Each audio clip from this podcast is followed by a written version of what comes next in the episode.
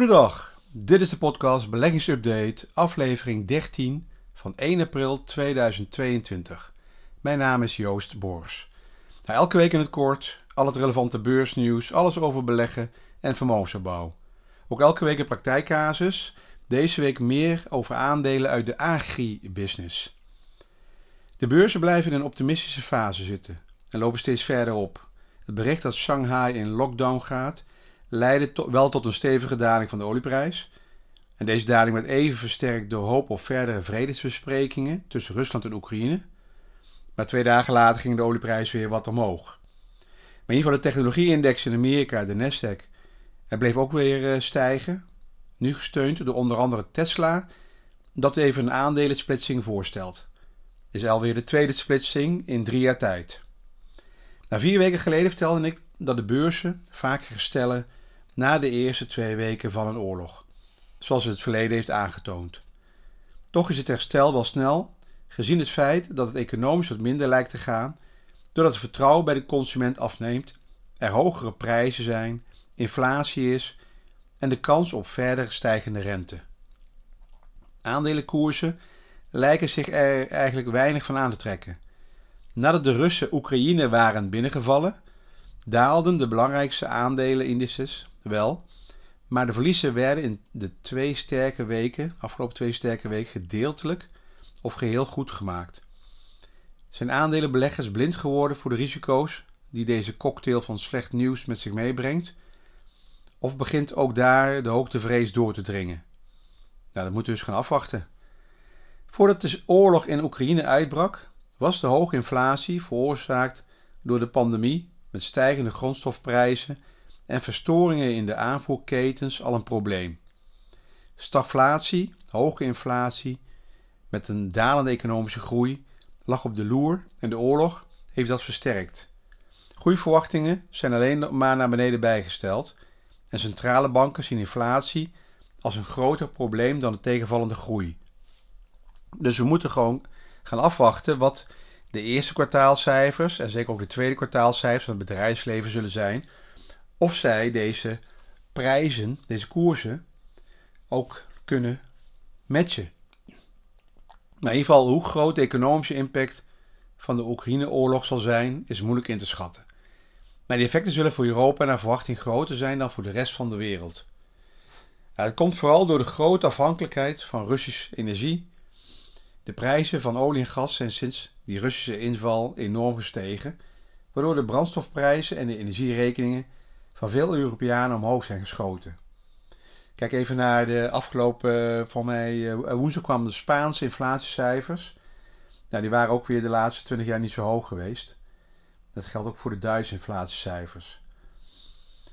Maar ja, dus uh, de, de, prijzen van andere grondstoffen stijgen ook flink. Bijvoorbeeld van graan, omdat zowel Rusland als Oekraïne grote graanexporteurs zijn. Bedrijven zullen hun prijzen verder verhogen om de hoge energie- en grondstofkosten te compenseren. De al hoge inflatie zal hierdoor nog verder uh, stijgen en de koopkracht van consumenten aantasten.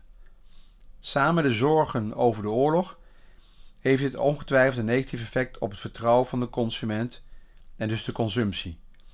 Het risico van uh, afnemende groei, stagflatie, is duidelijk toegenomen. Hoe sterk de economische afkoeling zal zijn, hangt uiteraard af van de duur van de oorlog en de hoge energieprijzen die daarvan het gevolg zullen zijn. In ieder geval de best presterende aandelensector het eerste kwartaal is natuurlijk de energiesector. Door al het wat ik boven staan net genoemd heb. Met een rendement van zeker 20% in drie maanden is het wel erg goed te noemen. Het slechts was de technologie-sector met een uh, min van uh, eh, 3%. Als je het allemaal van tevoren wist, dan was het springen van het ene naar de andere sector erg aantrekkelijk. Dit wordt dan ook vaak geprobeerd door fondsmanagers en beleggers en wordt uh, sectorrotatie genoemd. Sommigen gaan niet geheel uit een sector, maar verschuiven steeds een deel van het vermogen. Dus uh, iets meer of iets minder dan volgens de index zou moeten. Eigenlijk een beetje het poldermodel uh, beleggen dus. Het kan echter best interessant zijn als je de juiste keuze maakt. Je weet nu wel dat bij het einde van de oorlog bijvoorbeeld de energiesector als eerst zal dalen, want dan zullen waarschijnlijk de olie- en gasprijzen gaan dalen. Maar ja, de vraag is wanneer zet deze daling in? Wanneer stopt die oorlog? Bij het boodschappen doen, dat heb ik wel gemerkt, merk je zeker ook wel dat er prijsstijgingen zijn. die geopolitieke situatie raakt de productie van belangrijke uh, soft commodities, zoals granen, koffie en suiker. Nou, in ieder geval granen. Oekraïne en Rusland nemen zeker 30% van die graanproductie voor hun rekening. Maar zijn ook groot in, dat heb ik ook afgelopen weken verteld, in de productie van kunstmest. Wat ook noodzakelijk is. Dat wordt zelf in Brazilië nu uh, gemerkt. Maar bijvoorbeeld van die granen tot die afnemers behoren landen als Noord-Afrika, Midden-Oosten. En zo is Egypte nu al op zoek naar een nieuwe leverancier. Andere belangrijke producenten van granen zijn Canada en Verenigde Staten. Maar ook wel opkomende landen als eh, China, India, Brazilië en Argentinië. Grondstoffenrijke regio- en landenfondsen, zoals Latijn, Latijns-Amerika, veren op. Ja, maar de huidige geopolitieke crisis toont ook de noodzaak aan om als land zelfvoorzienend te zijn in de voedselproductie. Hierdoor worden thema's die niet direct voor de hand liggen interessant. Beleggingsthema's, zoals onder andere die agribusiness. Maar ook beleggingsfondsen die inspelen op een gezonde levensstijl. Deze uh, fondsen beleggen in uh, producenten van biologische voeding en in toeleveranciers, technologische toeleveranciers van de agri-sector. Voorbeelden van beleggingsfondsen met belangen naar deze segmenten zijn onder andere DWS Global Agribusiness of Wisdom Tree Agriculture ETF, dat is een indextrekker, of iShares Agribusiness, dat is ook een indextrekker. Ja, deze drie voorbeelden die hebben de laatste uh, vijf, zes maanden al uh, mooie rendementen laten zien. En dan ben ik al vaak huiverig om nu nog in te stappen, gezien de prijsstijging. Ook hier had ik het maar eerder geweten. En vaak zijn het uh, in het verleden vaak relatief saaie bedrijven en sectoren. Nou, een paar individuele aandelen die actief zijn in die agribusiness. ADM, dat is uh, Archer Daniels. ICL. Bungie, Bunge. En Mozaïek. Van allemaal is de performance ook weer de laatste zes maanden heel uh, prima geweest. Dus even afwachten of een goed instapmoment kan komen op een lager niveau. Nou, in Nederland heb je onder andere uh, OCI. En ook wel uh, DSM kan je hier voor een deel onderscharen onder deze sector. De DSM zit wel meer op het hogere voedsel- en healthy uh, living niveau. Nou, zo zie je dus dat de, deze agribusiness als thema door een crisis nou plotseling meer aandacht gaat krijgen. Maar ik denk dat op hele lange termijn we steeds meer wel gaan verschuiven naar wat meer gezondere voeding en naar een, een ander soort levensstijl. Dus daar moet je ook kijken of dit erbij uh, past. Nou, een andere sector die het uh, goed doet door de crisis, door de angst voor bijvoorbeeld cyberaanvallen en hackers, daar zijn aandelen in die IT-beveiliging, de cybersecurity. Bedrijven die beveiligingssoftware bouwen doen het sinds de invasie van uh, Oekraïne door Rusland uh, wel goed op de beurs. Dat staat in schil contrast met de neergang van de technologie-sector in zijn geheel dit jaar. Ja, die, vrees voor die Russische hackaanvallen blijkt toch een katalysator. Gemiddeld stegen de aandelenkoersen van IT-beveiligers, die cybersecurity-aandelen in Amerika vooral, sinds de dag dat de oorlog begon met zo'n 10%. Zo doet het aandeel Fortinet, Amerikaanse maker van uh, antivirussoftware, het goed. Het staat sinds half februari zo'n 22% hoger. Sectorgenoot Palo Alto Networks het presteert het nog beter. De koers liep daarvan in die periode met ruim 30% op. Ja, daarnaast is Cisco als een grote speler ook een mogelijkheid. En deze bedrijven hebben natuurlijk uh, ook een daling laten zien in de maanden december, januari. Hè, toen de hele Nasdaq, de hele technologie sector in Amerika daalde. Dus ze blijven niet altijd hè, uh, verschoond van uh, marktontwikkelingen. Maar onttrekken zich daar nu aan, omdat iedereen toch nog een beetje dit als thema ziet, hè, cybersecurity. Ook voor de langere termijn. Een andere mogelijkheid, in plaats van individuele aandelen die ik net noemde, is een indextrekker. Kan je belang nemen in je portefeuille, naast een goed gespreide portefeuille. En dan heb je bijvoorbeeld die iShares Digital Security of een indextrekker van uh, LNG, LNG Cyber Security.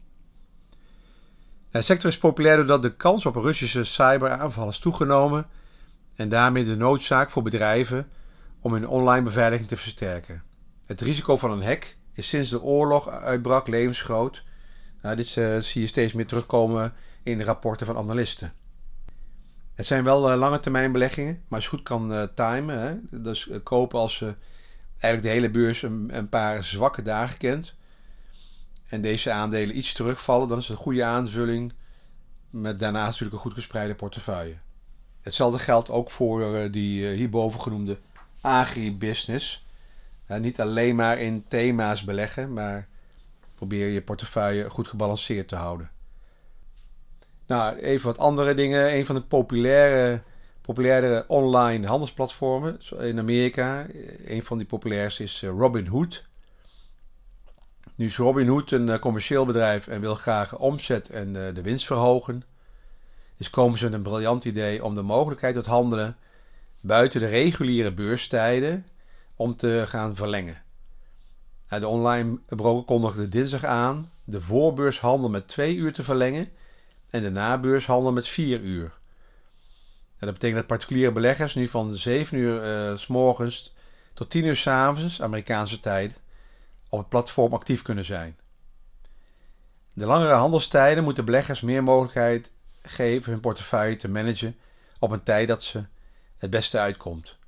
Robin Hood zegt namelijk regelmatig van klanten horen dat ze aan het werk zijn tijdens reguliere handelsuren, ofwel druk zijn met iets anders. Maar ik vind zelf ook dat er een moment van rust en bezinning moet zijn. Straks zit je 24 uur, 24-7 eh, naar de handel te kijken. En er is geen moment om na te denken of je wel goed lange termijn bezig bent. Ja, dit soort oplossingen zijn alleen bedoeld voor de speculant, korttermijnhandelaar, de daghandelaar en niet eigenlijk voor een serieuze lange termijn vermogensopbouw. Want daarvoor heb je deze lange openingsuren niet voor uh, nodig. Nog een beursfeit. De Amerikaanse S&P 500-index, de grootste index ter wereld, aandelenindex ter wereld, heeft over de maand april de laatste 16 jaar 15 keer een positief resultaat over de maand april behaald. Vanaf 2006 tot en met 2021 was alleen in de maand eh, april van 2012 er een klein negatief resultaat, maandresultaat. En nu is de laatste weken van maart al een herstel geweest. Dus de maand maart is ook al uh, redelijk goed. Dus de vraag is of de maand april dan ook nog een positief resultaat kan worden behaald. Of is al het kruid reeds in maart verschoten? Nou, dat moeten we dus gaan kijken. Maar ja, vanuit de historie zou, uh, is april geen slecht beleggingsmaand. Nou, dank voor het luisteren. Alles op persoonlijke titel, geen direct beleggingsadvies en op basis van openbare informatie. En tot de volgende week.